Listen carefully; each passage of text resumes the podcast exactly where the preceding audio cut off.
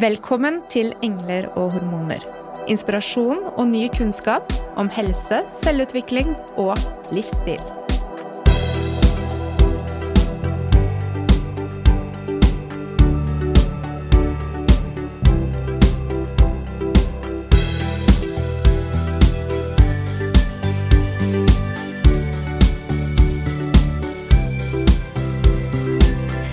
Som hvite nordmenn, jeg og Ingvild, da, så er vi litt skjøre og ganske dårlige på å diskutere rasisme.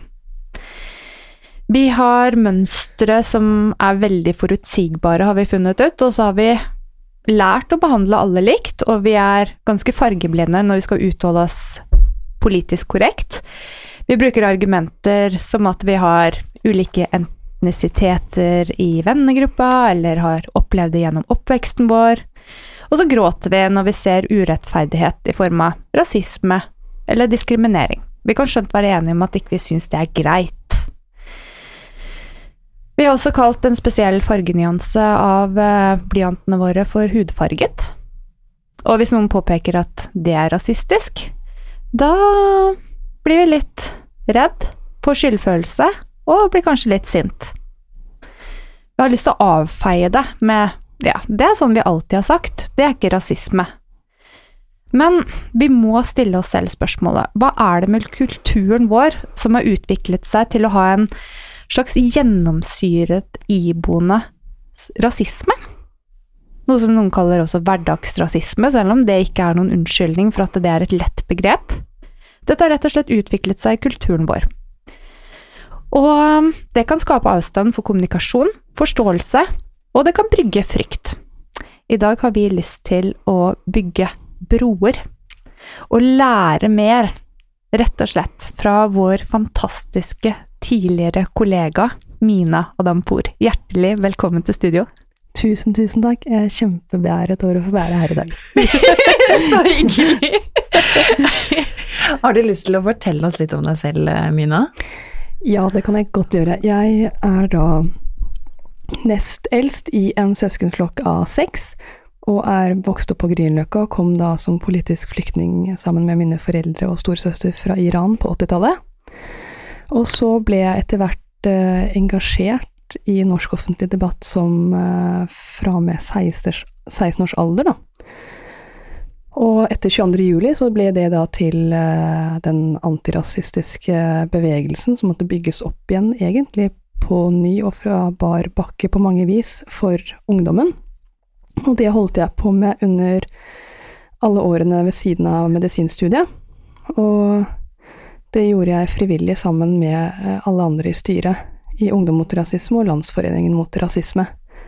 Så det har jo vært eh, veldig spennende å følge den utviklingen av akkurat den debatten nå. Fordi den har jo tidvis vært preget av at man kanskje eh, taler for døve ører, da, hvis man prøver å få opp eh, hva slags type rasisme det er som foregår i vårt samfunn og i vår del av verden.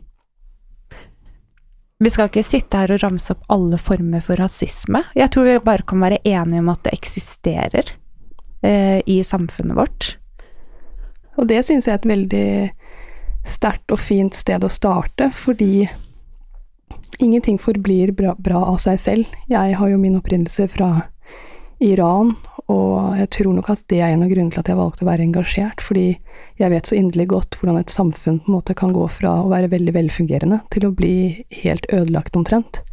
Og da må man hele tiden jobbe med små steg for at det skal forbli godt da, og fint, og det mm bare det å erkjenne at vet du hva, rasisme finnes, er jo ikke noe farlig. Det betyr bare at da er det bare én vei å gå, og det er at vi kan gjøre det bedre sammen. Mm.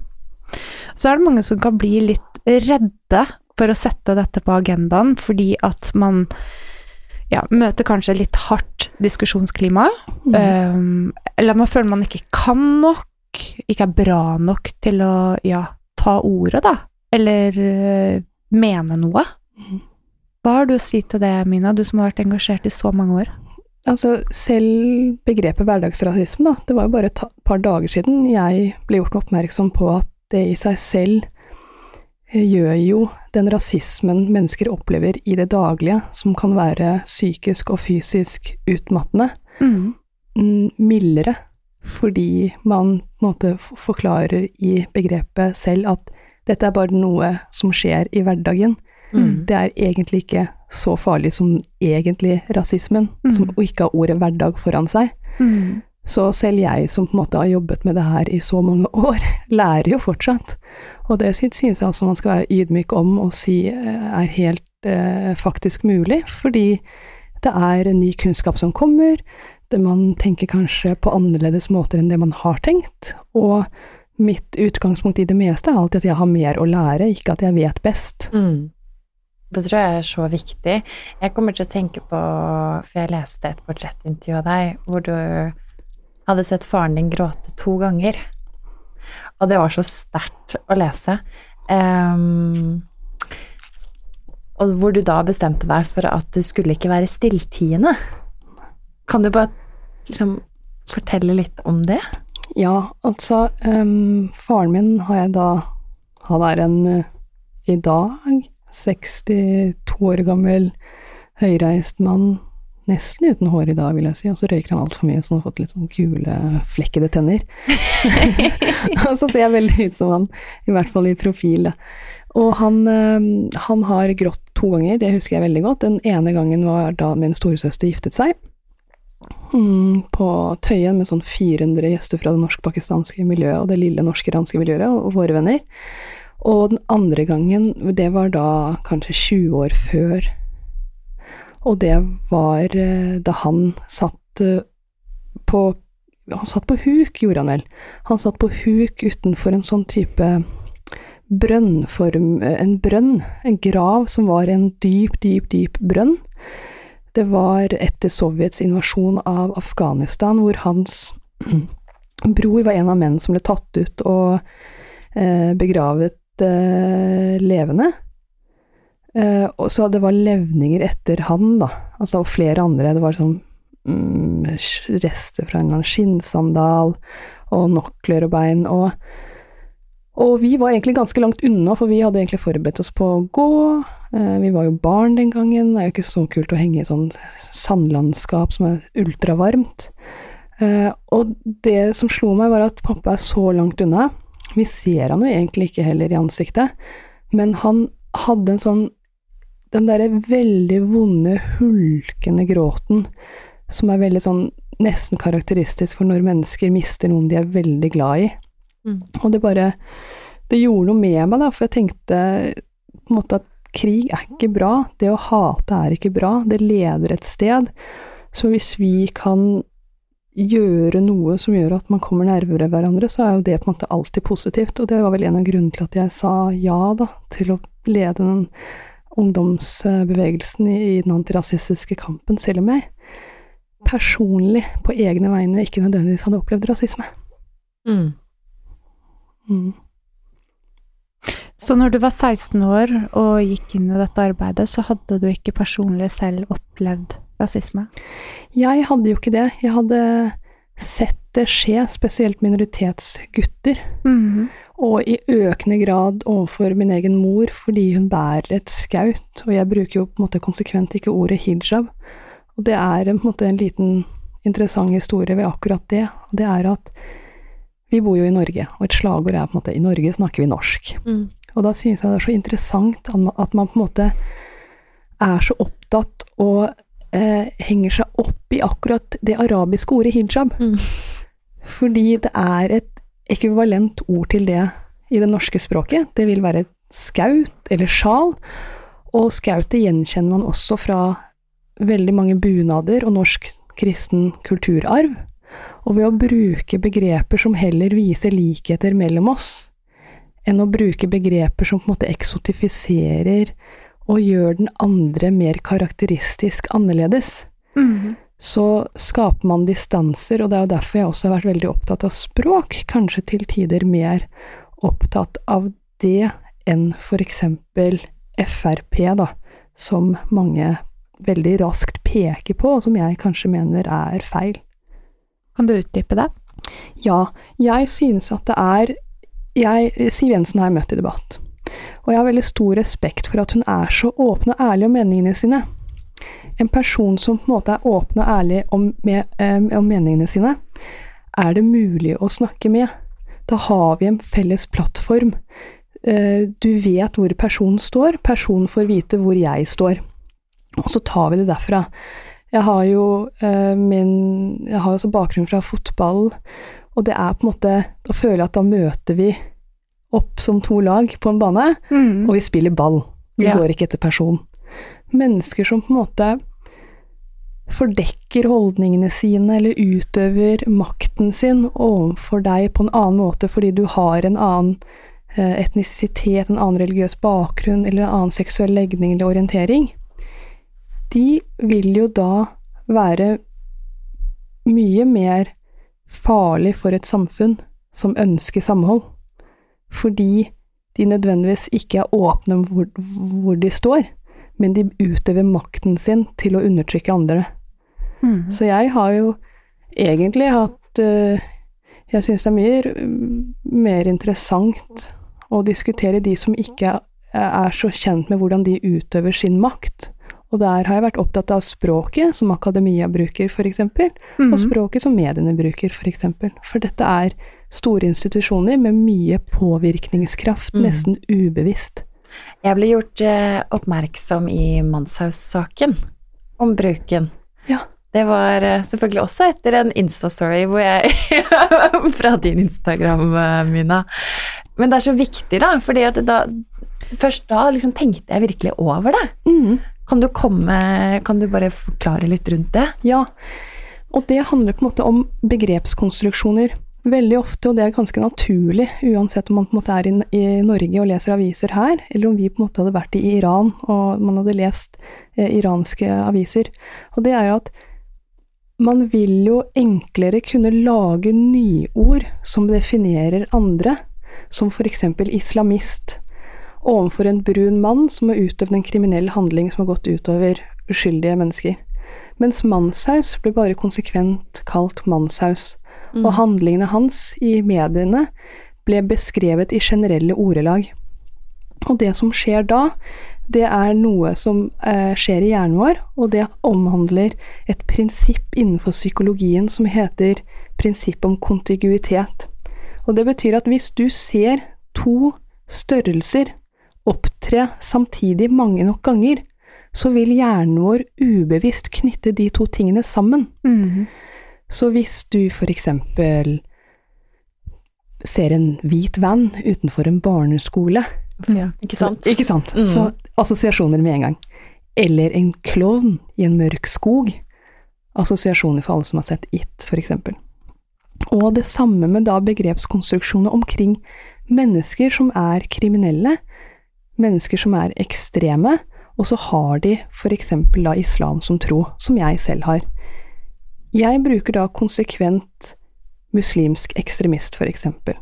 Fordi det er generelle begreper som man vil kunne implementere overfor en ateistisk ekstremist eller en kristen ekstremist.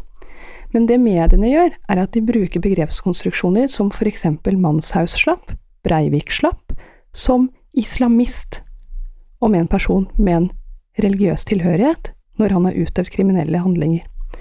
Og når vi da mange nok ganger ned, nedover i nettavisene leser islamist, også et bilde av et terroranslag, blodpøl, så vil hjernen etter hvert assosiere islam, som egentlig bare består av individer som tror på det. Det er ellers ingenting du på en måte kan si det er. Det er jo mennesker bak det. Med da terror eller krig og fordervelse. Eller fare. Og det er det mye vanskeligere å bli gjort oppmerksom på hva gjør med deg, og hva slags naturlig skepsis du ubevisst skaper i hodet ditt. Mens det jeg da blir veldig lei meg for, er at folk hater på Siv Jensen.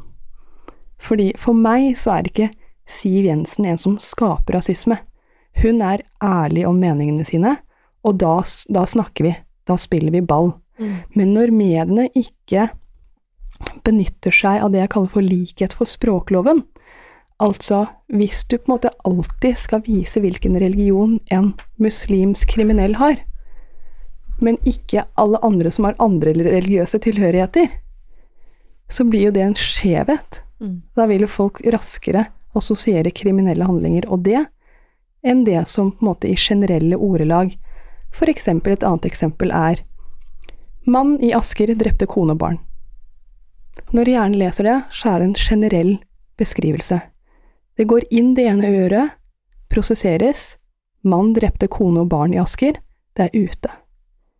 Men i en annen sak, som omhandler det eksakt samme, som er vold og drap mot kvinner utført av menn, så leser du æresdrap i Groruddal.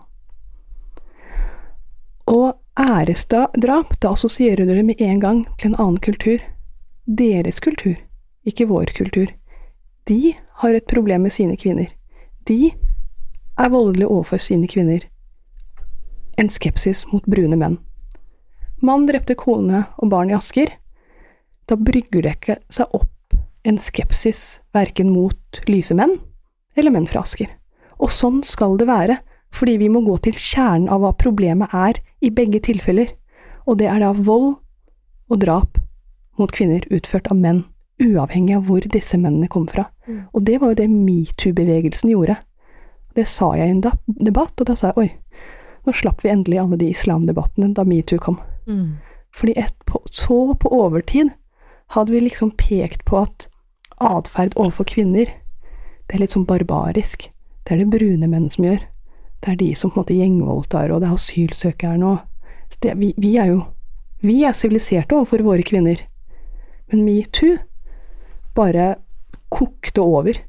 Fordi vi i så mange år har brukt begreper og hatt en flombelysning på andre i stedet for oss alle. Oss alle, Mm. rett og slett. alle, alle er feilbarlige, og alle har gode sider og dårlige sider. Og det, det, er, det er jo Rasisme er bare én av mange ting som viser at vi er like rare og like hyggelige og like tafatte og sier og gjør rare ting, alle sammen. Det er ikke noe mer eller mindre enn det. Men det å peke på en gruppe, det Mm. har jo lang historikk i Norge. Eh, Det har vært eh, sigøynerlov, og det har vært mot jøder og samer og ja, i det hele tatt. Er vi litt Er vi et vanskelig land å komme til, tror du? Sånn også fordi vi har den kulturen, eller er det bare slik som samfunn er over eh, store deler av verden? Det er et veldig godt spørsmål. En av de morsomme tingene mine søsken utfordret meg på en gang, det var Tenk at når du er en majoritet, så har du egentlig ikke den erfaringen av hvordan det er å være en minoritet som kommer til en majoritet. Mm. Um, så jeg har jo ikke den erfaringen, da, av å være iraner i Iran, og så kommer det over grensen mange pakistanere, mange afghanere, så har kanskje mine barn litt sånn dårlige rettigheter eller dårlige vilkår på deres skole med pengemangel, ressursmangel, og så leser jeg en overskrift om at de tar midler fra oss, Mm. og så skjer det ting på en måte i min hjerne. Det har jeg på en måte sluppet. Jeg har bare på en måte hatt den gleden av å være minoriteten hos majoriteten. Mm. Eh, men jeg er jo oppdratt til å vite om diskriminering som også foregår i land hvor mine foreldre har sitt opphav ifra. Og da, da skjønner man jo, når du på en måte har blitt fortalt det i barndommen din, så ser man liksom fort likheter, da. Da skjønner jeg at egentlig så er ikke Norge annerledes enn Iran. Nei. Men vi har på en måte eh, Vi har på en måte fortsatt en diskriminering som skjer overfor svakere grupper. Og svakere grupper har jo ikke sterke stemmer nødvendigvis. Så da på en måte fortsetter og ulmer og går det sin gang. Mm. Ja. Uten at på en måte middelklasse, øvre middelklasse, ressurssterke mennesker egentlig vet hvordan det er i deres hverdag.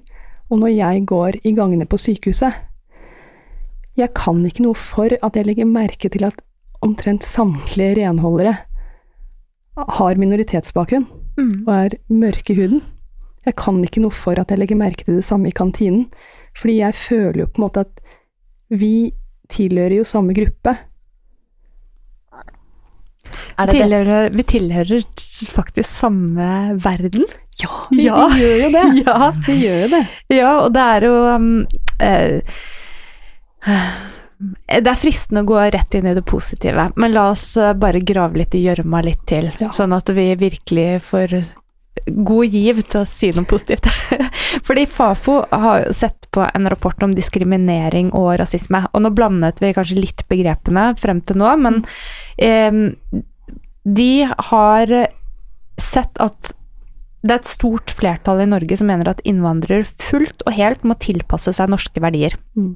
Samtidig så er det 39% som svarer at somaliere ikke kan bli norske. Mm. Så det er ganske umulig. Vi vil at ungdommer som kommer fra minoriteter, skal lære seg norsk kultur, men de kan ikke regne med å få helt innpass. Mm. Og det er jo et problem. Jeg skal bare legge til at den gruppa som var mest utsatt, som fikk størst støtte, det var de som ville ha pappaperm. Yeah. Så man er seg selv nærmest. Ja. Man, er det. Ja.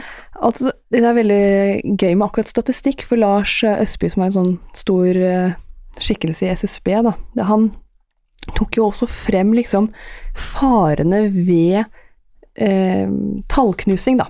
Mhm. Si at du er arbeidsgiver, og så har det liksom blitt innprent dette her. Eh, norske vietnamesere eh, flest i arbeidsstyrken av andelen norsk-vietnamesere i Norge. Norsk-somalere færrest, ikke sant? Eh, Norsk-pakistanere færrest. Det Altså, tallene er med på å reprodusere det at kanskje en arbeidsgiver tenker Nei, men jeg må jo ansette en uh, norsk-vietnameser, for jeg vet jo at tallene sier at de jobber jo hardt. Og jeg må jo ikke ansette en norsk-somalier, for tallene sier jo at de ikke jobber så hardt. Så det blir på en måte en sånn slags selvoppfyllende, forferdelig profeti, Mm. som ikke egentlig ser bak de strukturelle årsakene. Der synes jeg min venninne Siri for mange år siden fikk eh, meg til å tenke over noe veldig interessant. Hun sa sånn Mina, tror du at de som på en måte har flyktet fra en bakgrunn, men er stolt av der de kommer fra, har noe å være stolt av, tror du det er enklere å integrere seg da, i et annet land? For hun har reist mye og jobbet i veldig mange ulike land. Og det slo meg at jeg tror hun har rett. Jeg tror at hvis du på en måte enten kommer fra en, en velfungerende stat, en høyt utdannet befolkning i den staten, som jo Iran en gang var, ehm, eller eh, norsk-vietnamesere, som også var på en måte en stor krig som egentlig ødela deres land på veldig mange måter, som førte til at veldig mange flyktet. Men hvis du kommer da fra et stammesamfunn, da, Mm. hvor på en måte det er en massiv diskriminerende lover, som det en periode var at kvinner kan ikke gå i bukser, f.eks. Så på norskopplæringen, da mamma eh, gikk på det i Norge på 80-tallet, så kom en norsk-somalisk dame til mamma og sa det er ikke lov å gå med bukse for kvinner. Og da svarte mamma hm, da må det ha gått Khomeini hus forbi, da. For jeg kom jo til og med på en måte fra et veldig muslimsk land, og det er lov der. Og det var jo bare veldig Tenk å være den norsklæreren i det, å bare se det opptrinnet der, da. Og det har jo med hva slags bakgrunn de to ulike kommer fra, hva slags bagasje har man, hva slags rettigheter hadde du i det landet du kommer fra.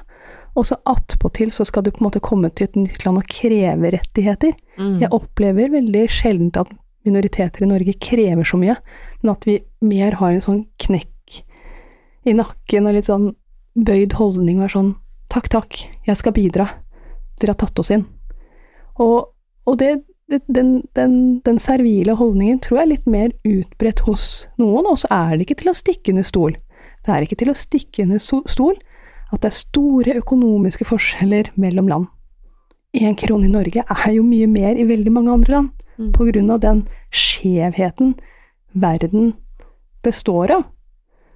Og da er det kanskje slik at hvis Norge har en modell hvor det å være hjemme gjør at du får en sum, er tre ganger så mye da enn det du får i ditt hjemland, Mm. og så, ha, og så hadde ikke du noen utdannelse i det hjemlandet, men da er det Da er jo det godt for noe.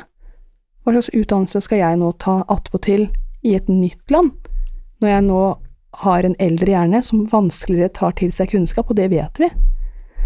Så jeg Det er på en måte så mange nyanser bak veldig mange av disse tallene som forsøker å si noe om innvandrere som en på en måte statisk, homogen gruppe, som er viktig å se på, da. Og det er jo litt sånn krevende.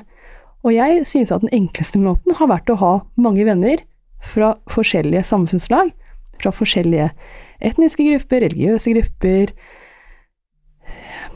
som på en måte lærer meg mye jeg ikke har tenkt over, da. Det er en sånn gratis kunnskapsbase å henge med veldig mange forskjellige typer folk. Mm. Du er flink til det da, Mina, og så tenker jeg at du har jo beveget deg på tvers av mange arenaer. Mm. Um, veldig mange i Norge bor faktisk i bygder, sånn som deg Mm. jeg har vokst opp. Eh, der man er innflytter hvis man ikke har bodd der mer enn to uh, generasjoner. Eh, og, og man er liksom Ja. Det er eh, de familiene du kanskje stort sett har bodd der, selvfølgelig. Men ikke den type miljø, da. Så, så det er ikke alle som har tilgang til å bevege seg i ulike Mm. etnisiteter. I Mm. hvert fall kanskje ikke fra vår generasjon, men så har vi barn Mm. som vokser opp på en litt annen måte. Mm. Og da tenker jeg mange vil nok gå inn i den tiden som er nå, med all vi ser på nyhetene, og alt vi erfarer og kan øke kunnskap på, med å ha samtaler med barna. Ja. Ja. Og det er kanskje det, en av de viktigste arenaene vi har for å skape endring i samfunnet. Mm. Um, tenker jeg, da. Hva tenker du, Mina? Jeg tenker at du har helt rett. Jeg tenker at hele den trenden og den bevegelsen vi ser nå, ikke har noen verdi om vi på en måte ikke tenker på at det er barna våre som skal leve med andre mennesker, og som er de vi skal oppdra til å tenke samhold. Opp, Mm. unnskyld, oppdra til å tenke samhold. Og jeg som er tante til eh, åtte, må jo på en måte ha en proaktiv rolle. Og eh, det gjelder jo fordi det er altså så merkelige ting som skjer, ting vi på en måte ikke forstår noe av. For det er jo ikke alltid at Jeg husker veldig godt at Sofia, da, nummer seks av seks i vår søskenflokk uh, hun, var så, hun var alltid så redd da hun så vår norsk-eritreiske nabo. Begynte å gråte og skrike, og moren min ble så utrolig pinlig berørt. Hun skjønte altså, hun, hvor, altså, hun opptrådde som om hun ble redd for henne fordi hun hadde eritreisk utseende og var mørkere i huden. Og det måtte liksom vi i familien snakke aktivt med det, det lille barnet om, da. Og så går det liksom Vi vokser opp, og så blir eldstemann Lina Hun eh, får sin sønn. Og så er vi i den samme bakgården. Og så driver noen av annengenerasjonsbarna og leker i bakgården, noen av de har norsk-afrikansk bakgrunn. Så plutselig løper Linas eldste sønn, på syv år, inn i stua til bestemor, plukker med seg en banan fra fruktfatet, og så løper Ismail til vinduet og kaster det ut og lager apelyder. Og alle bare Og du vet, noen ganger så drar man liksom folk, barn, som kaster ting ut av vinduer eller verandaer. Man drar liksom ungen vekk, og så gjemmer man seg. Liksom, det kom ikke fra dette vinduet. Altså, alle ble så sjokkerte at ingen tenkte på å redde barn ut fra den situasjonen. Vi bare Han står i det der sjæl. Vi vedkjenner oss ikke det barnet. Og det ble en stor diskusjon i familien vår. Hvor er det han har det derfra? Vi aner ikke. Mm. Men det betød at det var jo fortsatt like viktig for oss å ta en ny runde på det, da. Som man tok med Sofia da hun var et lite barn. Mm. Med Ismail. Og hvordan skal vi gjøre det? Det er jo bare å snakke ja, Det var det vi gjorde. Det var på en måte ikke noe mal direkte med barnet. Sånn at han på en måte får en forståelse av at selv om vi ser forskjellige ut, så er vi jo like. Og er det noen som en, ved en episode For noen opplever jo kanskje en gang én ting med én, og så tar de det på en måte utover hele gruppa. Mm.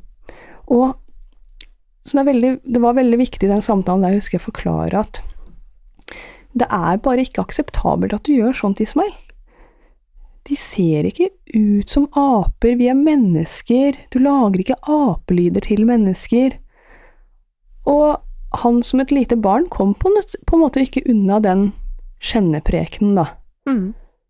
Og, og, så, og det jeg tror man bare skal bare Der og da Det blir som på en måte når voksne er i en annen type jobb. Mm. Første dag med opplæring, eller når man har eh, utdannet seg til noe, så har man sånn nesten et år eller ett og et halvt år med turnus eller praksis.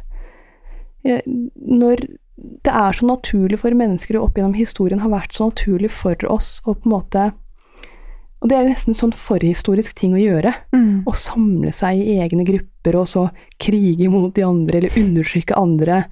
Eh, For meg så er det på en måte en sånn helt åpenbar i vår familie kjensgjerning, da. At kvinnen er det sterke kjønn. Sorry, alle menn som hører på. Og det er jo noe menn innså ganske tidlig, så det var derfor de aktivt begynte å undertrykke kvinner. Eh, og det ligger på en måte bare i oss, i å liksom undertrykke og, og liksom se på oss selv som grupper. Og det er en sånn gammeldags ting å gjøre. En moderne, sivilisert atferd er at man har kommet på forbi rasetenkning, forbi det å måle hodestørrelsen til samer, ikke sant? Vitenskapen har brakt oss så mye lenger at vi vet at alle ser helt like ut innvendig. Mm. Og da er jo det også noe barn må lære, akkurat sånn som voksne lærer når man skal lære seg et uh, håndverk eller et uh, yrke. Det er så viktig. Ja, men så er det også Jeg skal sette deg litt mer på pinebenken min nå, Mm. fordi at du kom med et kjempefint eksempel, takk for det. Eh, banan ut av vindu, apelyder. Det er lett å forstå at det ikke er greit. Ja. Men det, det er mer som skjer som på en måte er litt mer subtilt, da.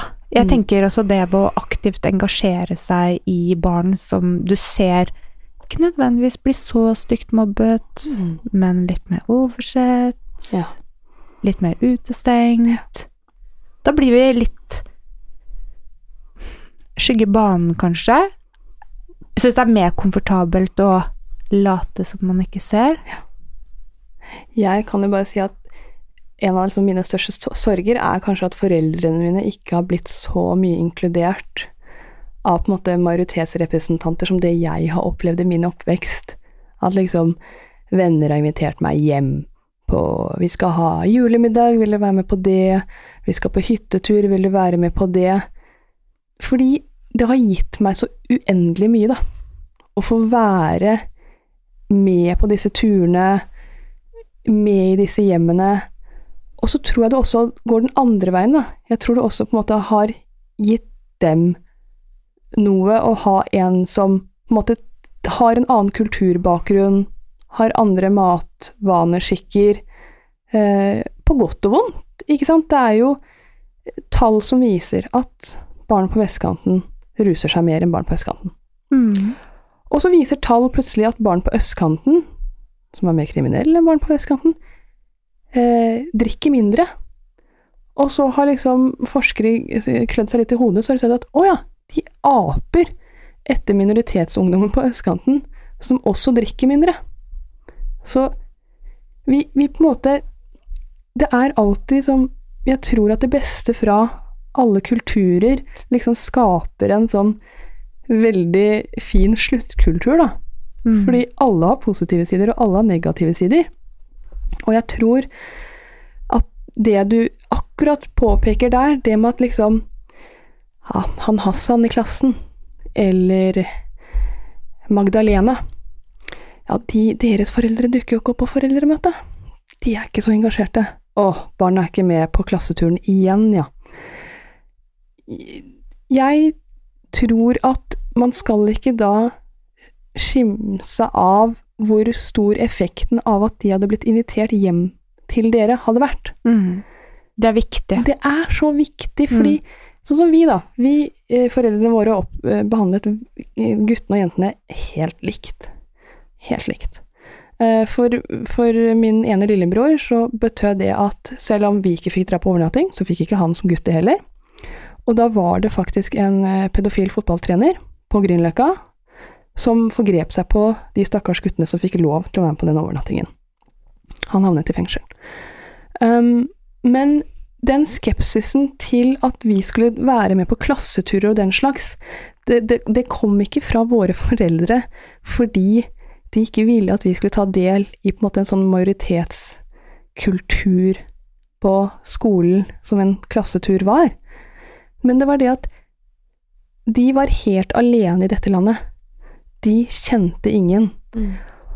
Og de var så utrygge på det å sende barna sine til noen de ikke visste hvem var. Det å hente de på ettermiddagen, det var en trygghet. Mm. Men hvis de skulle være borte, og de som bor i dette landet ikke kjenner disse individene de skal være sammen med, Mm. så var det det de var redde for, vår trygghet.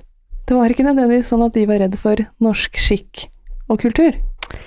Fullt forståelig som mamma. Ja, Ja. Mm. ikke sant? ja. Ikke sant. Det er eh, lett å relatere seg til. Og så tror jeg det er viktig at vi får frem slike eh, eksempler. Ja. Sånn at vi får mer forståelse, og ikke eh, ja, bygge bilder eller teorier, da. Ja. Som, som uh, kanskje er påvirket av språk i media, for alt jeg vet. Ja, og vi Mhm. er jo, jeg som med min, min minoritetsbakgrunn, uh, vi er jo overrepresentert mm, på lavere sosioøkonomisk score, da. Vi er jo Mhm. fattigere. Kanskje flere deltidsjobber. Har ikke tid til å følge opp barna. Ikke nødvendigvis alle, sånn som mine foreldre hadde. Har ikke overskudd.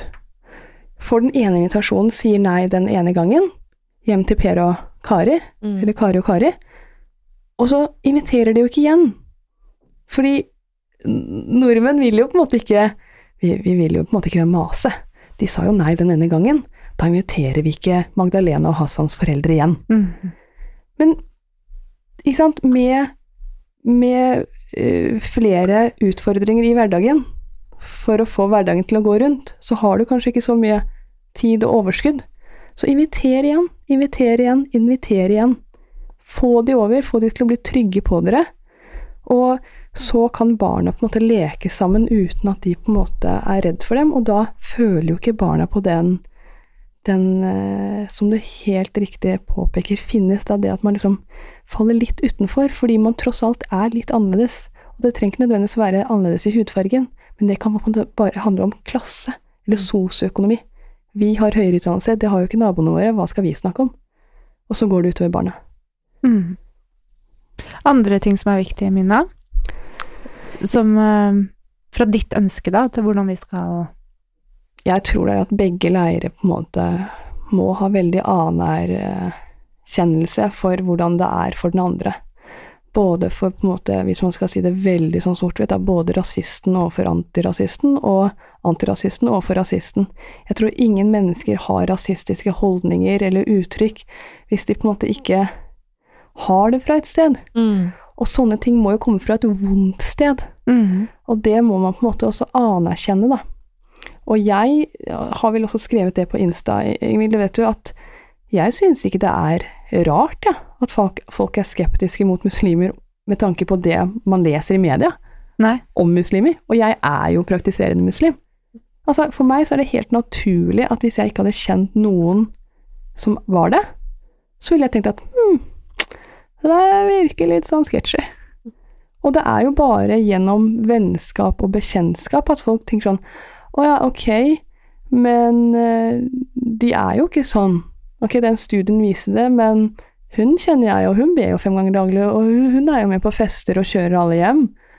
Eh, Og det er egentlig ganske bra for dattera mi sin skyld, fordi da slipper hun å bruke 500 kroner hver eneste fredag. Ja. Mm. Eh, og det Jeg eh, tror veldig på at jo mer vi er sammen, og det viser jo også tallene, da. Tallene viser liksom veldig ofte at de holdningene overfor andre faller med en gang man blir kjent med dem. Ikke sant? Men det gjelder, altså det gjelder jo på alle arenaer. Det handler jo liksom ikke om eh, hudfarge eller hvordan man ser ut. Det handler jo om eh, første gangen du møter svigerforeldrene Altså, Ja. det fins Det skjer jo i, i hele, altså hele tiden. Ja, men det er bare at vi må applisere det over hele linja. Ja. Altså, akkurat som man gjør med pride. eh, at det er lov. Vi kan, vi kan, vi kan, så eh, vi kan være sammen alle sammen, om du er 90 år og straight, eller om du er fire år og skeiv. Ja, Ja. Åh, det er sånn. Og nå bare kom jeg på en historie. Det var noen som jeg husker jeg var litt sånn enda mer radikal enn det jeg er i dag, i ungdommen. Og så skulle Torstein Dale ut. Vi kunne ikke ha en hvit mann på over 50 til å lede RV, var det det de var den gangen? Og jeg husker jeg ble så lei meg, for jeg husker hvor viktig Torstein Dale har vært for LHBTQI pluss-bevegelsen i Norge, det hadde jeg lest om. Og jeg kunne bare ikke forstå hvorfor vi skulle diskriminere han ut av hans lederrolle bare fordi han var hvit mann på over 50. Hvit mann som pusher 50? Ja, ja, ja. Hallo! Så jeg er helt enig. Ja. Så vi må liksom eh, Og der, der, der kan det jo Vi kan bli for bastante, altså. Også, også bevegelser og også trender. Større takhøyde for å snakke sammen og Ja. forstå. Men jeg tenker litt på det å våge å være antirasist òg, da. Mm, Og det å våge å tørre å si fra, ikke bare være stilltiende. så sant. Vi må åpne hjemmene, men vi må jo også slå ned på det som er urettferdig eller absolutt ikke Ja. Det, og det Jeg tror nok ikke den debatten blusser opp med det første igjen, da, men den såkalte rasismeparagrafen, som egentlig ikke bare omhandler rasisme, men handler jo på en måte om diskriminering overfor flere grupper. Og det å offentlig fremsette hatefulle eh, ytringer overfor eh, disse gruppene. Eh, og den er det jo flere bevegelser i Norge, i hvert fall de siste årene, som da jeg har deltatt i debatter til, som har ønsket å fjerne. At er lovbeskyttelsen overfor Mm. minoriteter, nettopp med den Mona nevnte, norsk historie som bakteppe. Og det er det da alltid, ikke sant. Ervin Kohn fra Det mosaiske tronsamfunnet Antirasistisk Senter, OMOD, og vi da antirasistene som på en måte møter i de debattene og sier at nei, det lovverket trenger vi som beskyttelse. Og den debatten tror jeg ikke blusser opp med det første nå. For nå tror jeg de kanskje tenker sånn mm, Ja, det, det blir nok vanskeligere, å liksom Den bør vi ikke ha, og den trenger vi ikke, ble det sagt. Og, og veldig mye som jeg ikke forsto, da. Det er, for det handler jo også om den historiske konteksten. Mm. Det er jo ikke slik at den lovbeskyttelsen ikke er der av en grunn. Den er jo der nettopp av en grunn. Uh, og det, Ref litt sånn demonstrasjonene forrige fredag Ja. også, at det var jo lovbeskyttet å Ja. kunne demonstrere. Ikke sant? Og det er jo en av de tingene jeg som eksiliraner virkelig verdsetter mest med Norge. Det er den eh, retten du har til å stemme, retten du har til å ytre deg, og den må på en måte gjelde alle. Ingen må på en måte være redde for å si det de mener, og havne i sånne avgrunner og avlukker og bare snakke med likesinnede. Det er jo så synd. Men det er jo allikevel mennesker som føler at det er utrygt å uttale seg. Mm. Eh, at man eh, Du har vel kanskje selv Jeg vet at du også har opplevd, eh, Mina, at når du har uttrykt deg eh, og hatt meninger, at du har hatt eh, ubehagelige opplevelser. Det som er kanskje ikke morsomt ved det, da, men det som er morsomt ved det når jeg tar det opp i debatter, at jeg har hørt andre si at måte, i Norge så er ytringsfriheten truet, så blir jeg litt sånn oppgitt, fordi jeg tenker hm, eh, prøv på en måte å ytre deg i en god rekke andre land i verden. Der er det på en måte skikkelig innskrenket ytringsfrihet. Der kan du dø for din ytringsfrihet. Eh, Det skjer ikke noen av oss i Norge. Ja, det kan tidvis være ganske sånn sinna mennesker De pleier på en måte ikke å dukke opp uh, hele tiden. De dukker opp på en måte hvis du deltar i, på store plattformer, da. Så det var veldig sånn, Hvis det var radio, eksempel, så var det alltid veldig benignt og fint. Og det verste jeg var borti da, var vel en mann som måte skrev sånn Det heter ikke å spørre spørsmål, det heter å stille spørsmål. Og jeg, vet du, jeg blir så glad når folk retter på språket mitt, så jeg var sånn Å, tusen takk, det visste jeg ikke. Og ja, jeg sa kanskje også KJ-lyden feil, og så sa han Og da svarte han Ja, det hørte jeg, men jeg tenkte at det bare var best å ta én ting om gangen. Du er for øvrig den første jeg har rettet på i alle radioprogram jeg lytter til gjennom ti år på NRK, som sier takk. han, han var vant med at folk ble så sure hver gang han retta på dem. Ja. Men hvis det liksom er på TV sant, med kanskje en kjent rikspolitiker som har på en måte en viss type fanskare, da kan det fort være at litt sånn ytterliggående eh, Kanskje også ensomme, sinte personer får det med seg, og så peprer de Facebook-innboksen din nå, da. Og da er det jo Min måte, sånn teknikk er å bare ignorere det. Og også ikke på en måte hause det opp for at det er så veldig mye mer enn hva det er. Det er estimert at 3% av enhver befolkning er sosiopater. Som de, samme diagnosen som han profeten profetens Arfan Bhatti har fått. Og det, det jeg ser for meg, er at bare teknologien har gitt disse menneskene muligheten til å komme i kontakt med de de ikke liker. Og vi må på en måte da skjønne at noe er faktisk sykdom, Mm. og noe er farlig, men en fungerende rettsstat er veldig viktig. Og det har vi heldigvis her i Norge. I Iran, i Pakistan, i India, eh, så har man ikke det. Mm. Da kan du gå til politiet, og da kan faktisk politiet utøve eh, mer eh, vold mot deg, eller represalier. Så jeg, jeg, jeg vil på en måte alltid bruke min stemme til å på en måte øh, også minne oss om hvor godt vi har det her eh, i Norge, da. Viktig. Så hvordan ville en typisk eh, middagssamtale vært rundt eh, bordet hjemme hos eh, dere da, Mina? Hvis vi skulle diskutere status i Norge? Nå i det siste så har det i hvert fall vært litt at vi har holdt jeg på å si, tatt opp situasjonene som mine egne søsken har opplevd med norsk politi, og da spesielt sett i lys av en kronikk, en politimann som bare ble eh, introdusert som Erlend skrev i Dagbladet. Og han var liksom sånn Nei, sånt skjer ikke i Norge. Mm. Sånt skjer ikke i Norge. Og han var ganske bastant. Han var sånn jeg prøver å ikke være. Fordi vi er seks søsken.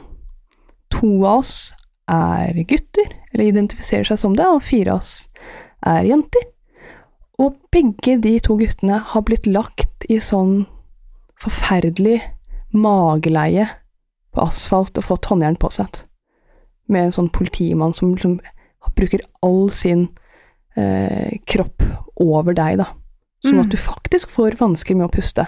Det er ganske interessant. Det, det er jo en grunn til at man gjør sånt mot mennesker, fordi du vil på en måte nøytralisere enhver mulighet til motstand. Mm. Og dette da de var, faktisk var unge mennesker og ikke hadde gjort noe galt. Kan du fortelle litt om oppløpet til uh, ute i bakgården? Ja, ute i bakgården. Da er lillebror David, som ble kåret til årets Oslo-borger, 13 eller 14 år gammel.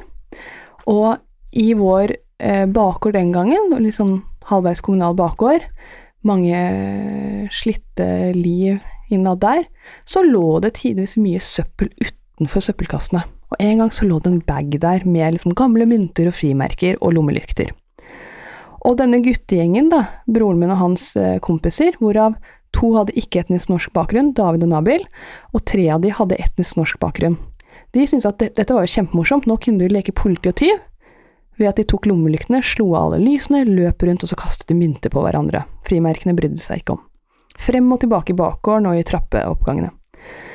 Plutselig så bare stormer politiet inn, med uniformer og alt.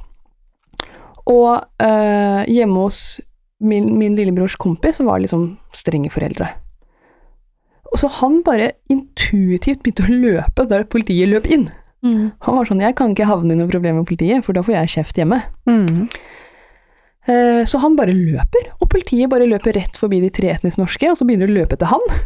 Stopper ikke, liksom, deler seg ikke for å snakke med de som hva skjer her, gutter, vi er her for de. Eh, Og så begynner David å løpe etter politimannen som løper etter han kompis igjen. og politiet eh, takler ham, kner ham, mageleie, håndjern bakfra, eh, og ligger oppå han med sånn kne og så kroppen over. Bruker på en måte kroppskraft. Og så eh, sier David hei, hei, hei, og så kommer han andre og gjør det samme med David. Og da, eh, da roper David på mamma. Og det var ganske vondt å sånn, mimre om nå, fordi det leste jeg Jeg så et veldig fint YouTube-klipp av eh, Reverend Al Sharpton, da, som eh, snakker om at George Floyd ropte på sin mor som var død. Ja. Det var så sterkt å se. Så dette barnet, min lillebror, han gjør det samme, og moren og faren min hører han. Pappa løper liksom intuitivt rett ut. Mamma, derimot, løper og henter kamera. Og så løper hun ut. For hun titter jo først ut av vinduet, så hun ser jo at det er to politimenn på to små barn. Og hun bare måtte raskt prosesserer det her med at dette er ikke riktig. Hun Mm. kjenner jo barnet sitt, hun vet at han gikk ut for en halvtime siden, de leker. Hvordan kan de ha havnet i denne situasjonen? Så hun filmer det hele. Det, flere av eh, bildene blir også brukt av Dagbladet, opptaket blir brukt av Østlandssendinga, og med en gang kamera kommer inn, da gjør jo politiet i Norge, fordi Norge ikke er USA, da løfter de gutta opp og stiller det inn til veggen i stedet. Eh, så det er jo bra, ikke sant, det å dokumentere ting fungerer. Eh, I USA så har det jo gått så langt, merk dere det, det har gått så langt at politimannen ser mennesker står og filmer. Og likevel så er han freidig nok til å fortsette denne atferden. Ikke sant? Det er helt vilt. Mm. Det, er, det, er, sånne ting som skremmer meg når jeg ser disse opptakene. Det er det at det som skjer i USA, og som jeg noen ganger tenker for meg selv i stillhet, at, at slagordet Black Lives Matter er overflødig, er fordi disse utøverne ikke stilles til ansvar for det de har gjort. Og det er hele poenget med straff. Poenget med straff og fengsle individer er at det skal ha en allmennpreventiv effekt. Det er sånn man utregner hvor mange år enhver kriminell handling skal ha. Den, den skal ha så mange år, fordi da skremmer de andre fra å gjøre dette samme. Og det er jo det som ikke har skjedd i USA. Mm. Leste at over 400 av de forutgående afroamerikanske mennene som hadde vært uh, ubevæpnet og blitt drept av politiet. Sammenlagt så hadde alle de politimennene fått like mye straff som en annen lys amerikaner som hadde drept bikkja si. Mm. De hadde fått like mye straff. Over 400 afroamerikanske menn som hadde blitt drept. Altså, de, de, hadde fått ingen straff, var hele poenget. Uh, og det den historien min lillebror endte opp med, var jo at politiet ikke loggførte hendelsen. Det kom frem i Dagbladet-artikkelen. Og uh, det var jo rart, på en måte. Det ble litt sånn Ja, beklager det. Men lillebroren min David skulle jo ikke Han skulle bli politi. Mm. Ja. Og etter det så ble han jo ikke politi. Nei. Det du sier, det minner jo bare om at uh, vi må våge å si fra når vi ser noe er urettferdig. Mm. Jeg har stilt meg selv det spørsmålet om jeg kunne stått og filmet og sett det som skjedde George Floyd, mm. uten å ha gjort noe. Og jeg må ærlig innrømme å si at det tror jeg ikke. Jeg tror ikke det. Jeg pleier til den dag i dag å stoppe opp, og det er en morsom historie. Jeg pleier å stoppe opp fordi det mange ikke vet, da, er at norsk politi har fått utvidede fullmakter til å ransake minoritetsungdom. Eh, spesielle tider, spesielle steder i byen, der hvor det er minoritetsungdom som opp, eh, oppholder seg. Eh, og det har også vært forskere som har på en måte poengtert at selv om vi vet at det er mer rusbruk blant vestkantsungdom, så er det ikke de som blir sjekket av politiet. Det er faktisk minoritetsungdom. Mm. Litt à la det samme i USA. Og der, derfor stopper jeg opp hver gang politiet stopper opp en gjeng med fem norsk-somaliske gutter, og ransaker de, og så filmer jeg. Og en gang så var det en politimann som da tok tak i sykkelen min. Jeg var på vei hjem fra legevaktsjobben en uh, midnatt. Og så så jeg at den andre politimannen så ned i bakken. Og han var flau, og han hadde en minoritetsbakgrunn. Mm. Og jeg gjenkjente ham med en gang. Det var storebroren til det populære tvillingparet fra Libanon på ungdomsskolen. Og jeg så på han, og han så på meg, etter å ha liksom løftet blikket. Og jeg, jeg, var så skuffet. Jeg tenkte bare sånn Du bør jo vite hvordan det der er. Du vet at minoritetsgutter stanses. Du vet at når du gjentatte ganger stanses, så skaper det en antipati til deg som politimann, som har en så viktig jobb, og det kan også i ytterste konsekvens skape en antipati overfor det norske samfunnet. Si noe, gjør noe. Og så her kommer den morsomme delen. Var det et annet tilfelle på Grønland hvor det samme skjedde. Jeg ser en politipatruljebil, to politimenn og fem gutter som hadde eh, bakgrunn fra et afrikansk land. For den andre etter legevaktsjobben, de hadde jeg snakket med, så jeg visste at de var norsk-somaliske. Disse her fikk jeg ikke snakket så mye med, fordi jeg hopper ut av bilen, tar opp mobilen for å filme, og politimannen, som alltid sier sånn hei, hva gjør du, hvorfor filmer du? Så sier jeg sånn nei, jeg skal bare filme at uh, dere har stanset disse, det ser ikke ut som de har gjort noe. Og da ser jeg plutselig dette bildet litt sånn klarere, og det de driver og gjør, disse politimennene, de driver og hjelper disse gutta med å skifte dekk på bilen sin. Og jeg bare ja, la, la, la, la. Men det kan du jo også poste. Ja, og du Det er jo kjempefint. Akkurat det samme tenkte jeg, Mona. Jeg tenkte bare supergod PR for politiet. De ville ikke at jeg skulle ta bilde. De ville ikke. Nei. Og der kunne du ha bygget Det opp det. broer. Det skjønte ikke jeg. At Mhm. de ikke tenkte over. Mm. Nei, det skulle jeg ikke. Jeg Mhm. var sånn, men dere gjør noe veldig bra nå. Mm. Og da husker jeg at det var et sånt politibilde med sånt uh, lite dansk asylsøkerbarn som kom like etter det, og det ble veldig sånn hurra meg, god politi-PR i Danmark rundt det. Og da tenkte jeg, oh, det bildet jeg hadde da dere hjalp han Mm. guttungen med å skifte dekk, kunne vært et sånt et. Så hvis du sitter der, politimannen som er involvert i situasjonen, ta kontakt med oss, så du skal få bilde fra Nina.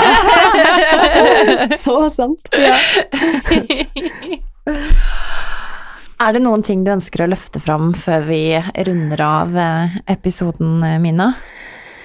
Ja, det er øh, at det hadde vært veldig fint om man på en måte i det daglige, når du hører noe eller ser noe eller opplever noe, bare ytrer deg på en høflig måte. Hvis du, hvis du på en måte instinktet Jeg ser det jo skje, ikke sant? du ser det jo skje på trikken og på bussen. Og hvis instinktet sier at 'åh, det der var vondt å høre på', eller 'det der var feil', og også i jobbsammenheng, hvor jeg har opplevd i de senere år da, høre voksne mennesker si litt sånn ting på kanten. Bare Mm. si ifra. Ikke Kan du komme redd. med eksempler på hvordan man kan si fra? Ja, altså jeg husker jeg hadde turnus allmennlegepraksis i bydel Sagene. Og så satt vi der da, syv fastleger og turnuskandidatene. Og så kom det noen fra barnevernet og sa, jeg glemmer ikke, sa det sånn, det er mange innvandrere i denne bydelen her, så det er veldig viktig at dere melder eh, forhold eh, der, de har, eh, der det har vært eh, vold mot barna. Og dere melder altfor lite. Det vet vi, dere melder altfor lite. Og så var det så interessant, fordi jeg tenkte sånn, Ok, her fokuserer de på at det bare er innvandrere som slår barn. Greit. Eh, men jeg ville vite hva statistikken bak var. Så man trenger ikke på en måte å gå helt i clinch og si sånn hei, du kan ikke snakke så på en måte generaliserende overfor et så viktig tema som vold mot barn er. Altså, bare Kristoffer-saken kan man si her, ikke sant? Men det jeg heller gjorde, var at jeg liksom stilte et spørsmål og sa unnskyld, hva sier statistikken? Hvor mange er det som blir utsatt for det, og hvor dårlige er da vi allmennleger til å melde det i denne bydelen? Mhm. Hvor lave er tallene i forhold til de faktiske tallene? Nei, sånne tall har vi ikke, var svaret. Og da trengte jo ikke jeg å si noe mer. Nei. For da viste de på en måte selv sin kunnskapsløshet omkring det, hvor de man da bare tydde til etnisitet. Mm. Og det var i den samme bydelen, faktisk, som en av mine eldre venninner, som jeg aldri har turt å spørre hvorfor hun halter. Aldri turt å spørre, vi ble venner i voksen alder. Jeg tenkte at det liksom ikke passet seg. Hun var etnisk norsk. Og det var akkurat i den samme bydelen hun hadde da fått sitt barn for mange år siden. Og hun fortalte meg at hun ble stanset av eh, da hun var på sånn helsekontroll med barnet. Og det barnet skulle bli veid på den vekten når du tar av bleien og hele pakka. Og da var det en som sa Du, jeg vil bare spørre deg, hun som jobbet der da, var en jordmor, eh, hvis eh, din datter blir sint, hvordan reagerer du da?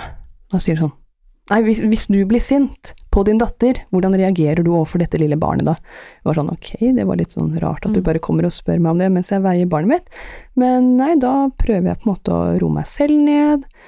Eh, Ja, og hvis det gråter veldig, nei, da trøster jeg det. Og da sa hun, og så merket hun at min venninne ble litt irritert. Og så sier hun sånn, ja, du skjønner, jeg må bare spørre alle, Mm. fordi vi må ikke være rasistiske, men vi vet at det er mer innvandrere som gjør sånt. Og da fikk jeg endelig vite hvorfor min venninne halter, fordi hun gikk jo i fistel. Og da sa hun, jeg kommer fra et velmøblert hjem på vestkanten, en stor villa som er større enn denne helsestasjonen her. Og vi ble utsatt Åh, det er så kjipt å si. Vi ble utsatt for så grov vold av vår mor Mm. at jeg ikke i dag kan gå normalt.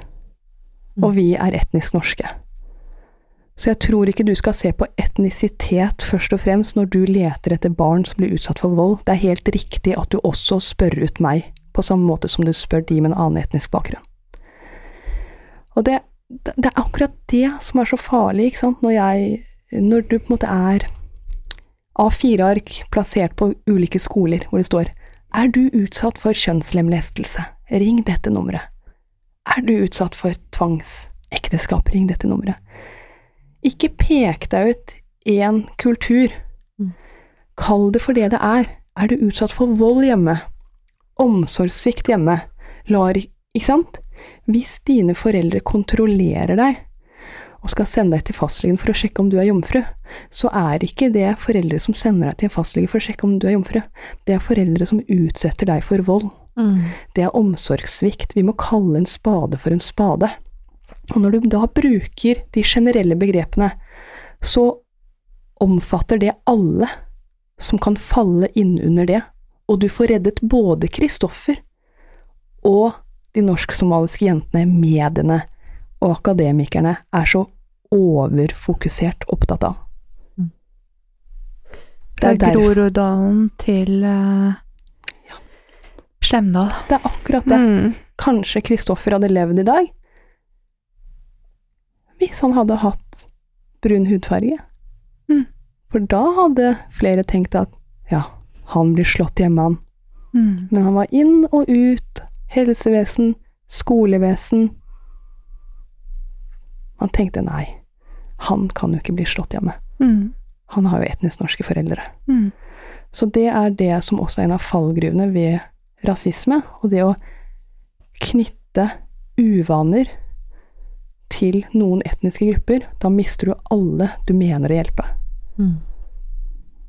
Så viktig poeng. Og så sterkt å avslutte på den måten. Mm. Men eh, viktig. Eh, viktig å ha samtalene og Åpne hjemmene sine. Ja, og viktig å snakke om det som er tungt. Jeg Mhm. merker at det bare ho, klump i magen. mm. Vi må ikke slutte å snakke. Vi må ikke være Nei. stilltiende. Nei. Og tusen takk for at dere tar opp dette i Engler og hormoner. Det betyr uendelig mye. Takk for at du kom, Mina. Tusen takk. Ha det bra. Ha det.